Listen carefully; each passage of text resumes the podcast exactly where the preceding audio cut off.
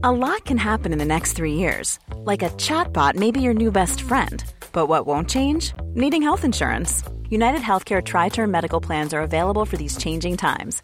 Underwritten by Golden Rule Insurance Company, they offer budget friendly, flexible coverage for people who are in between jobs or missed open enrollment. The plans last nearly three years in some states, with access to a nationwide network of doctors and hospitals. So, for whatever tomorrow brings, United Healthcare Tri Term Medical Plans may be for you. Learn more at uh1.com. Quality sleep is essential. That's why the Sleep Number Smart Bed is designed for your ever evolving sleep needs. Need a bed that's firmer or softer on either side? Helps you sleep at a comfortable temperature? Sleep Number Smart Beds let you individualize your comfort so you sleep better together. JD Power ranks Sleep Number number 1 in customer satisfaction with mattresses purchased in-store. And now, save 50% on the Sleep Number limited edition Smart Bed for a limited time. For JD Power 2023 award information, visit jdpower.com/awards. Only at a Sleep Number store or sleepnumber.com.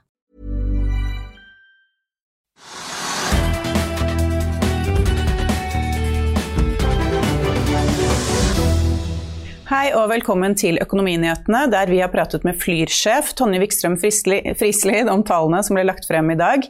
Vi har vært hos Eiendom Norge i forbindelse med at tempoet i hyttemarkedet dabber av, men først skal vi ha en oppsummering av de viktigste hendelsene i aksjemarkedet hittil i dag. Hovedindeksen på Oslo Børs beveger seg rundt null, og var like før vi gikk i studio opp 0,1% Dermed trosser børsen oljeprisen, som er noe lavere i dag enn i går.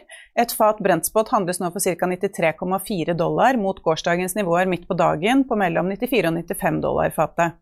Det er likevel høyere enn ved børsens stengetid i går. Ute i Europa er det en blandet utvikling, og det ser ut til å bli en rød åpning på Wall Street. Og her hjemme topper Borgestad den foreløpige vinnerlisten med en oppgang på rundt 20% mens Norwegian, Sats og Movi er blant taperne. Resultatsesongen fortsetter, og Autostore, som la frem tall i dag, stiger ca. 10% Omsetningen steg kraftig i fjerde kvartal, og selskapet gjorde det bedre enn ventet.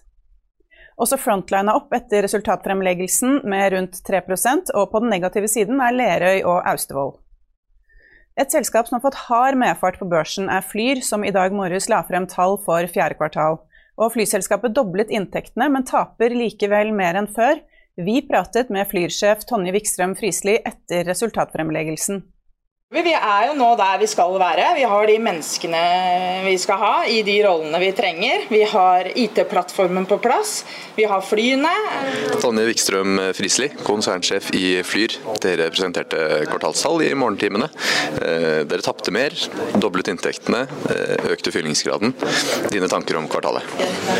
Det har jo vært et eh, utfordrende kvartal, utvilsomt. Det har gått opp og ned. Vi, når ting har vært åpent, så har det jo gått veldig bra og vi har fått vist at vi har et produkt som, er, eh, som folk liker. Eh, og så har det jo disse nedstengningene og nye smitterunder har definitivt vært utfordrende, men jeg syns jo vi, vi, har fått syretesten nå da, på om den modellen som vi har sagt vi ønsker å, å, leve etter, eh, fungerer. Og det vil jeg jo si at vi har bestått, den testen, så det, eh, det er jeg veldig fornøyd med. Dere har satt et mål på 41 44 øre eh, kask i andre halvår. Nå er den på nesten det dobbelte. Hva hva skal dere gjøre for å nå det målet? Ja, nå vil vi jo ha en vekst samtidig. Så vi har eh, på plass nå den administrasjonen og de funksjonene vi skal ha. Eh, så det, det koster jo å bygge. Eh, og inn mot sommeren nå så skal vi få en fly etter fly. Og da vil vi være på et nivå som vi skal være på til sommeren. Siden børsnoteringen i mars så har aksjen falt nær 80% Investorene de lurer nok nå på hva er det dere skal gjøre for å snu den trenden og få verdiene opp igjen? Vi er jo her eh, for å være her på lengre sikt. Da. Det er kanskje noe av utfordringen med å være børsnotert, at man får et kortsiktig perspektiv. Men vi eh, har jo modellen vår lever fortsatt, og den eh, tror vi på, og den fungerer. Så vi skal fortsette det vi har gjort, og så skal vi fortsette utviklingen. og Vi får jo mer og mer på plass uke etter uke. Så det her kommer til å På lengre sikt så vil man også se gevinsten i andre enden der. Nå har dere henta penger i to omganger. Eh, kan det være at det blir eh, behov for å hente enda mer? Det skal jo ikke være det, men det er jo umulig å, å, å spå fremtiden. Eh, men vi har jo reetablert bufferen vår. Så åpnes det opp og, og ting går som planlagt, så, så, er vi der vi skal være, vi. Restriksjonene lempes rundt om i verden. Eh, det åpner opp. Dere har bestilt eh, seks nye fly. Eh, store investorer som Jan Petter Sissener har stor tro på dere. Hva ser du som den største utfordringen fremover? Det, jo, det, kommer alltid til å være utfordringer. Eh, en utfordring er hva som skjer i forhold til pandemisituasjonen. Og så er jo selvfølgelig fuelprisene eh, brutalt høye. Eh, og vi vet jo ikke hvilken vei de utvikler seg. Men vår jobb da, er jo egentlig å fortsette det interne arbeidet vi holder på med. Og ha fokus på de flinke menneskene som jobber i selskapet, som igjen kan levere godt produkt ut til kundene. Og det, det er jo liksom det, har, det målet har vi foran oss hele veien, og det er noe som skal drive vår organisasjon, og som gjør det i dag. Så vår utfordring er egentlig alltid å være eh, evne å utvikle oss, evne til å, å være agile. Det skal vi, skal vi alltid være på, på tåballen og sørge for at vi er. Når blir dere lønnsomme?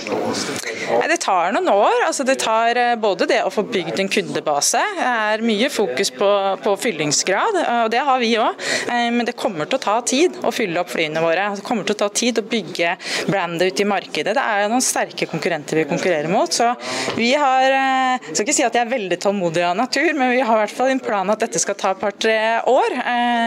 Så vi, og vi er jo før skjema sånn sett, med, med det vi har fått til nå nå. Men ja, det kommer til å ta litt tid. Og da skal vi over til hyttemarkedet, hvor tempoet dabber av, ifølge tall fra Eiendom Norge. Sammenlignet med året før falt omsetningen nær 4% i fjor, og vi har pratet med administrerende direktør Henning Lauritzen. Henning Lauritzen, hvordan vil du oppsummere hytteåret 2021? Hvilke ord vil du ta i bruk? Nei, 2021 var jo et år med fortsatt veldig store volumer. Det nest høyeste vi har målt noen gang. Og så var det også en, en sterk prisvekst. 7,3% det er eh, så godt som den sterkeste prisveksten som har vært, bare med unntak av 2015, som vel var tilsvarende. Ja, det stemmer. Og, og, det vi så litt spesielt i fjor, det var at prisene steg eh, mye i første halvår. Og så dempet det seg og gikk tilbake til det man kan kalle mer normale nivåer utover året. Hvor tydelig er dette skiftet? Ja, det er veldig tydelig både når det gjelder volum og pris. Og det kommer på litt ulike tidspunkter i, i løpet av første halvår, men, eh, men, i begge tilfeller så er vi tilbake på det vi kan si er mer sånn prepandeminivåer uh, utover høsten. Og det betyr egentlig ikke så mye prisvekst i det hele tatt, eller? Ja, det betyr en uh, prisvekst, men ikke på 7, et eller annet nivå, men, men, nede på noen få prosent. Ja, og så ser vi jo da Allerede fra mai i fjor så begynte omsetningsfallet. Eh, så det vi snakker om av historisk 2021, alt det ble egentlig tatt ut eh, fram mot våren? Ja, det, det, kan man i praksis si at det i veldig stor grad gjorde. Og, og her har vi nok ting som at eh, folk til dels hadde kjøpt seg litt ferdig, men, men også at man så for seg at samfunnet skulle åpne ikke så langt frem i tid. Og så visste man jo etter hvert om rentehevingene som skulle komme til høsten, mest sannsynlig. Så den totale omsetningsfallet for 2021 er bare 3,9% men da har man jo med dette massive, den massive omsetningen på starten av året. Så har dere sett på så langt i år, de seks første ukene, da snakker vi halvert omsetning. Ja, da er vi nesten på en halvert omsetning. Vi tar lite forbehold, for det er veldig små tall. Men vi, vi tror likevel tendensen kommer til å vise seg i en sånn viss grad fremover. At vi får langt mer moderate volumer. Kanskje ekstra sterkt på starten av året. Og så bygges det jo enormt mye, mens markedet helt naturlig kanskje går tilbake til en litt sånn normal. Vil vi stå igjen med for mange hytter i norske fjellheimer og rundt omkring? Jeg tror i hvert fall vi ganske sikkert kan si at vi kommer til å få en langt mer moderat prisvekst i fjellheimen fremover, nettopp fordi det bygges så mange og vi får en mer moderat etterspørsel. Så det vil være en ganske naturlig konsekvens, og vil jo byggingen sikkert gå ned noe fremover. Prisveksten der var størst i fjor, bikket 10% Vil vi da, Var det på en måte siste året? Vil vi gå tilbake til sjøhytter eh, igjen fremover, tror du? Ja, Nå hadde vi sjøhytter med sterkest prisvekst i 2020, og så, eh, så, fikk vi en slags utligning i 2021.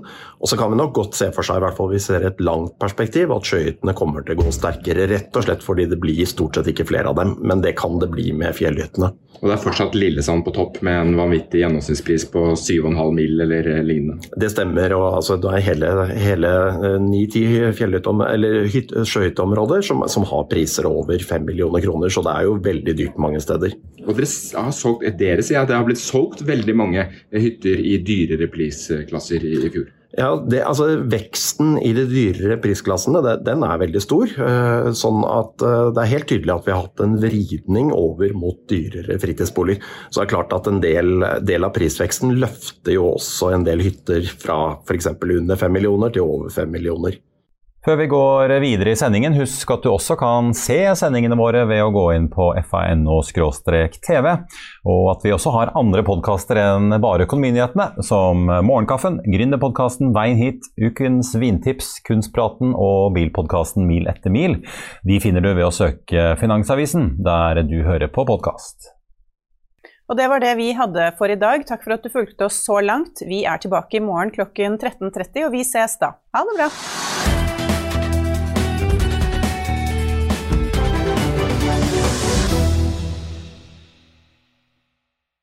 Økonominyhetene er en podkast fra Finansavisen. Programledere er Marius Lorentzen, Stein Ove Haugen og Benedikte Storm Bamvik.